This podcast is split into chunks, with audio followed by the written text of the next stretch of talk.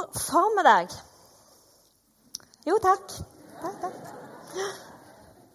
Velkommen til deg som er ny, til deg som er erfaren misjonskirkegjenger, til ung, til gammel og alle midt imellom. Og velkommen til deg som lytter på podkast. Vi er altså i dag eh, begynt, eller vi begynner nå, en ny taleserie som skal gå gjennom hele sommerferien, som vi har kalt Jesus viktigst av alt. Der vi tar for oss Kolosserbrevet. Og i dag, eh, som Unni leste innledningsvis, så er det altså kapittel 1 og vers 1-14. Jeg har valgt å vel, eh, ha tittelen i dag for denne talen 'Vokse og virke'. Mange av oss tror jeg heller mot en sånn enten vil vi ha dype røtter eller en higen etter å gjøre noe og virke. Vi har gjerne lett for å tenke at det er sånn enten eller.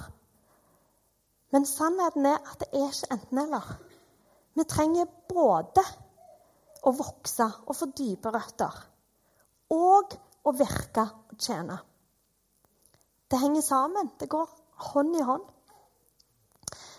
Så talen i dag er altså fra Kolossbrevet 1, 1-14, som vi hørte innledningsvis. Og hvis du hører på podkast og ikke fikk med deg det, så anbefaler jeg å eh, lese dette før du hører videre.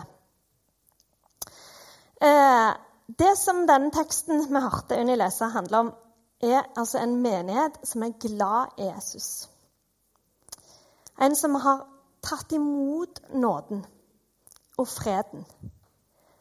Som lever i han og gir han videre. Vi leser om en menighet der er, de har tydelig erfart Jesu kjærlighet til dem, og dermed blitt fulgt av kjærlighet til de de har rundt seg. De virker i kjærligheten.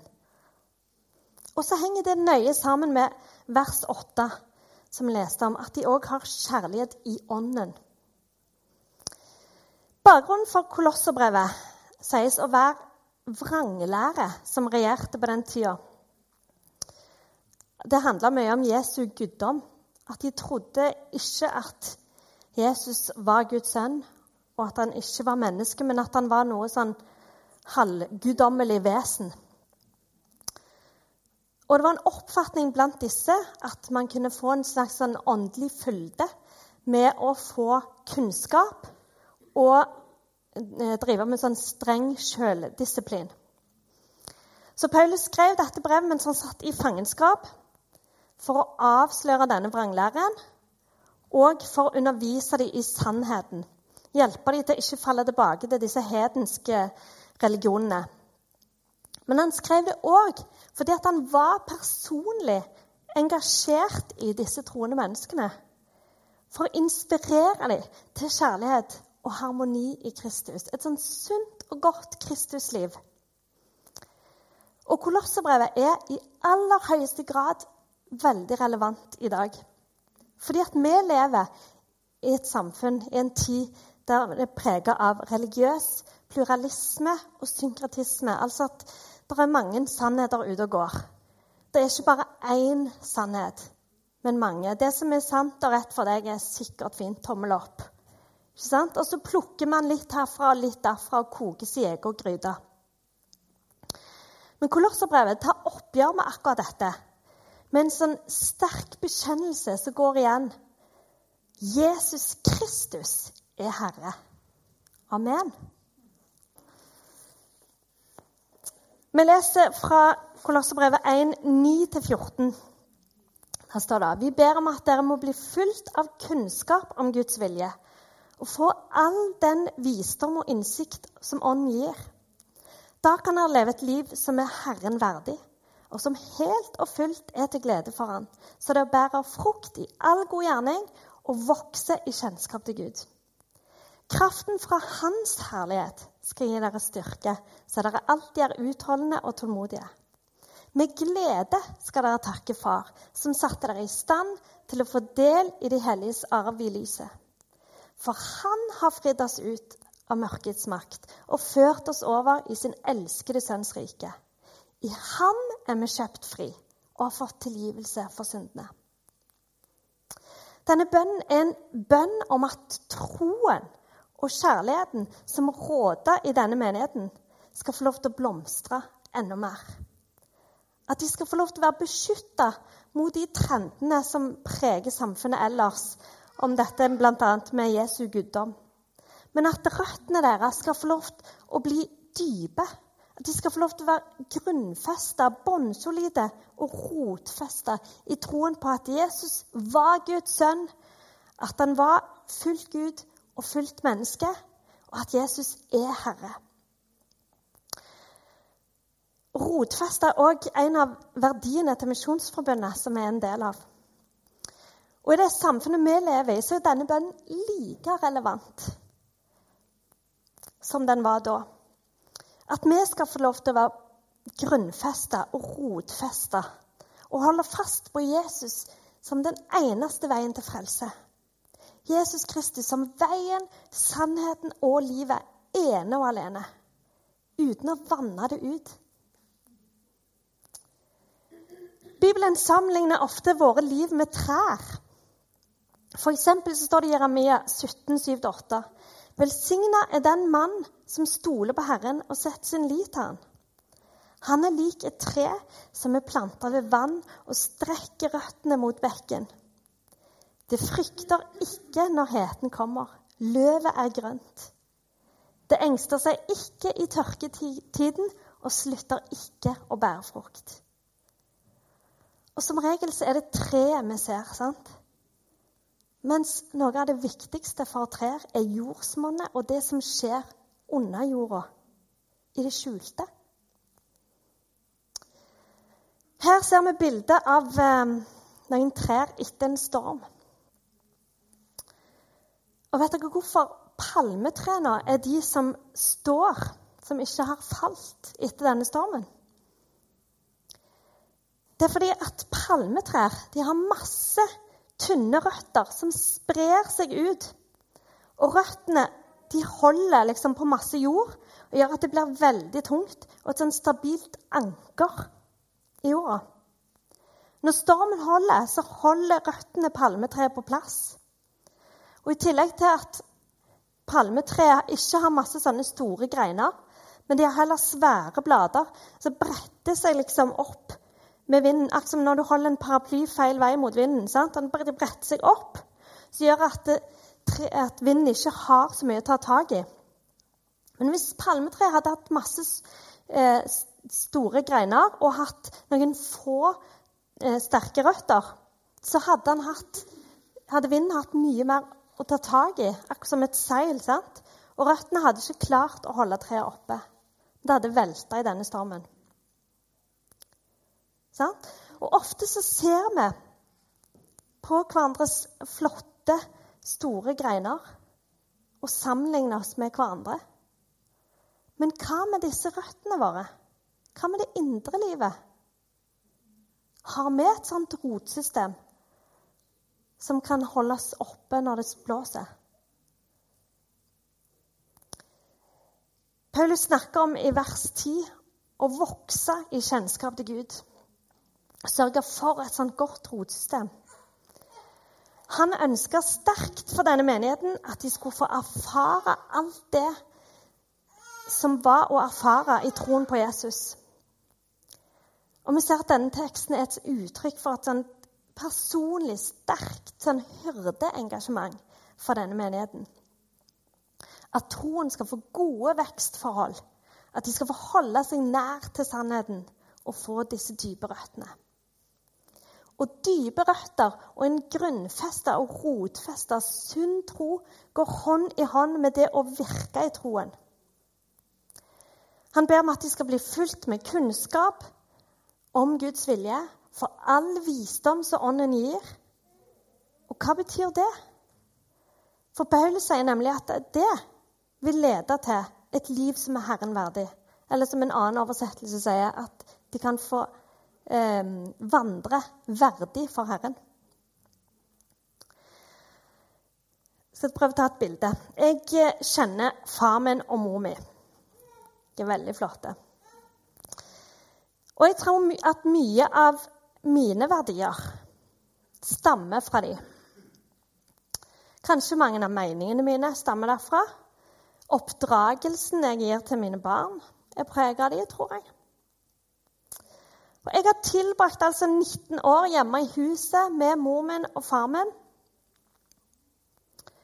Og jeg har lært meg reglene deres, både de som er uttalte, og de som ikke er uttalte. Jeg vet hva de mener mye om eh, etikk og moral. Og mange andre ting. Og jeg tror jeg vet litt om hvordan de ville reagert og håndtert forskjellige situasjoner. Og det er fordi at jeg kjenner dem. Jeg har tilbrakt tid med dem i mange år. I forskjellige faser i livet. I gleder, i sorger, i overraskelser, i vanlige dager, i ferier. Men jeg har sjelden gått og tenkt at hm, nå må jeg ta meg sammen og bruke litt mer tid med foreldrene mine, sånn at jeg forstår mer av hvem de er. Men det er en naturlig relasjon der kjærligheten ligger i bunnen, som gjør at jeg har lyst til å tilbringe tid. Og det er helt naturlig å tilbringe tid. Mange ganger på godt, og til og med noen ganger på vondt, så kan jeg nesten høre stemmene deres. Fordi at jeg kjenner dem. Jeg vet mange ganger hva de ville sagt og gjort i de situasjonene jeg står i. Og det er fordi jeg har fått kjennskap til deres på en måte kunnskap og litt av deres visdom med meg. Fordi jeg har vært mye sammen med dem i mange år. Og jeg tenker at det er litt sånn med dette verset. Det som står Vi ber om at dere må bli fulgt av kunnskap om Guds vilje for all den visdom og innsikt som Ånden gir. Og Jesus står ikke og krever at du skal bruke masse tid med han. Han har heller ikke tenkt eller lyst til at du skal gå med høye skuldre og tenke at skal, nå skal du ta deg sammen for å bruke enda mer tid med han. Men at det skal være naturlig å være med han. Altså, å være med Jesus er et fantastisk tilbud, ikke et krav. Det er det beste vi kan gjøre men Jesus er òg en som forstår det godt. Og når vi er med han i oppturer, i nedturer og i helt vanlige dager, alt midt imellom der, så vil vi nok etter hvert òg vite mer av hva som er Guds vilje. For den har vi fått i Bibelen. Og denne visdommen er òg tilgjengelig i denne relasjonen med han. Og det er sånn vi vokser og får dype røtter. Og hånd i hånd med dette så er Guds vilje at kjærligheten han har gitt oss, at den skal drive oss til å virke. Det henger sammen. Tid med Jesus, liv for Jesus. Og det er ikke nødvendigvis sånn at eh, alle kommer til å utrette de store tingene, de store misjonsoppdragene. Men at man blir mer opptatt av de rundt oss sitt ve og vel. Er vi til glede for de, så er vi til glede for han. Så er vi i forskjellig fase i livet. For noen er det gjerne barn og ektefelle eller de aller nærmeste som er viktigst akkurat nå. For andre er det en kollega, en nabo, en venn. Og så andre igjen har stor kapasitet og kan favne mange. Men poenget er at denne kjærligheten den gjør noe med oss når vi får erfare den sjøl. Det er ikke sikkert at vi alltid merker det, men den gjør noe med oss og de valgene vi gjør.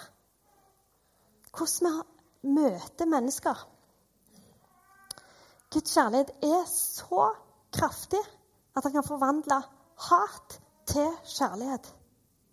At den kan trenge gjennom det dypeste mørket og den dypeste fortvilelse og den mest bastante ateist.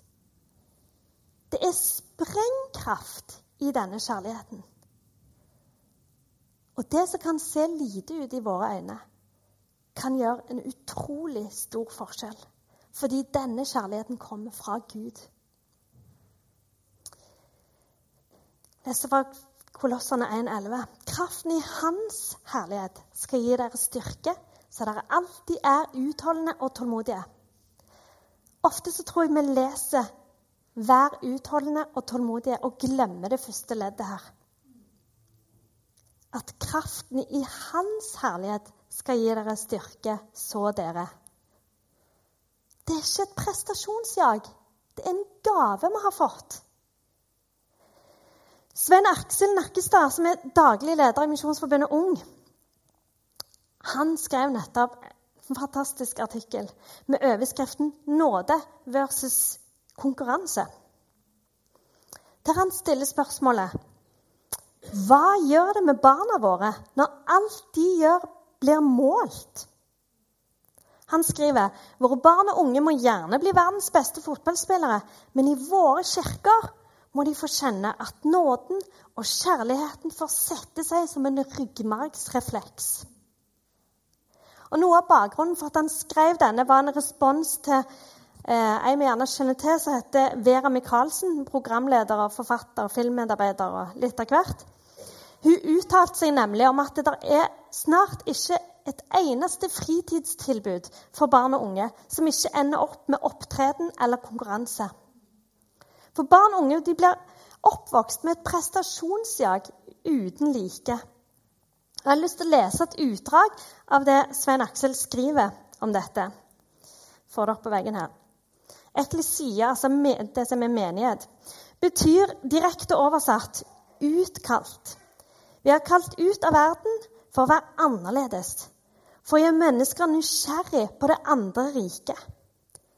Der dette fungerer, virker det magnetisk på verden. Det som fremfor alt preger dette andre riket, er at det er et nådesamfunn, et kjærlighetssamfunn. Menneskets verdi, mening og hensikt er ikke knytta til hva man gjør, og om man lykkes. Den er knytta til at vi er skapt i Guds bilde, at Jesus har sona alt for oss. Nåden, meningen og kjærligheten ligger i bunn. Våre kirker må være en tydelig motpol til konkurransesamfunnet. Våre barn og unge må gjerne bli verdens beste fotballspillere, men i kirkene våre må de i ett og alt få kjenne at nåden og kjærligheten får sette seg som en ryggmargsrefleks. De har ingenting å bevise Ingen mening som må skapes. Ingen kjærlighet de må gjøre seg fortjent til. De er elsket. Punktum. Nå kom dere ut i skogen og lek. Du er fri. Svein Aksel Nakkestad. For en bra mann.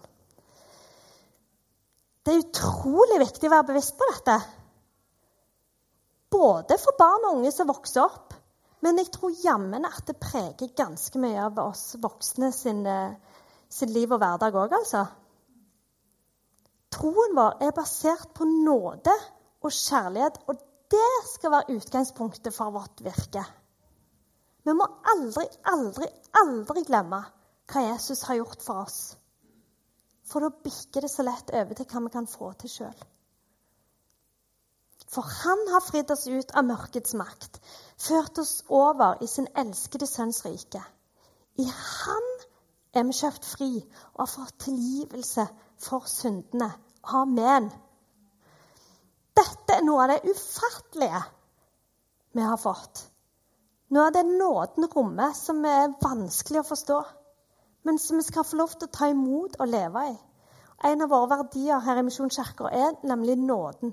Vi sier at vi skal få lov til å ta imot nåden og leve i nåden.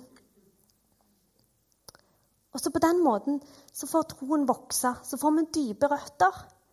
Samtidig som det gjør at vi, troen får virke. Vi får virke i troen og bære frukt. sant? I all god gjerning, som det sto. Leve et liv som er Herren verdig. Og som igjen gjør at vi får lov til å gi videre det vi har sjøl fått. Den nåden vi sjøl har fått. Skal vi be. Himmelske Far, tusen takk for nåden. Takk for at det er ingenting vi kan gjøre for at du skal elske oss mer. Ingenting vi kan gjøre for at du skal elske oss mindre, Herre. Takk for at du har gjort alt ferdig og perfekt for at vi skal få lov til å ha et evig vennskap med deg. Tusen takk. For jeg ber om at du skal åpenbare mer av hva dette betyr for oss. Hva det vil si at du har fridd oss fra mørkets makt. Hva det vil si at du har ført oss over til din elskede sønns rike. Hva det vil si at du har kjøpt oss fri. At vi er tilgitt.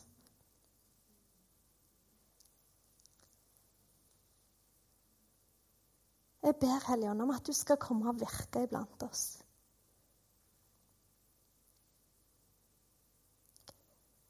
For jeg ber om at, eh, at du skal utfordre oss, Herre. Jeg ber om at eh, de av oss som eh, er veldig opptatt av å få dype røtter og, og kanskje ha mindre balanse i forhold til å virke, Herre, for deg. At du utfordrer oss på det, Herre. I å virke. At du taler til oss i forhold til å tjene deg, Herre. Hvem vi kan være dine hender og føtter for i dag, Herre. Og så ber jeg om at du utfordrer de av oss som gjerne vil eh, springe litt foran deg. Til å sette oss ned litt og, og være sammen med deg. At vi kan få lov å, å være i ditt ord, Herre, og få dype røtter, Gud. Herre, hjelp oss til å få balanse, sånn at det ikke blir enten-eller, men at det blir både òg.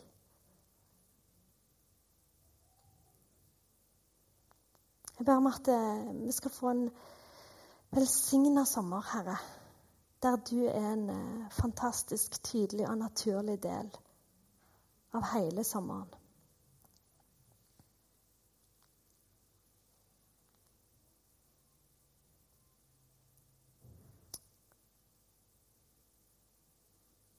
Jesus, for at du er Herre.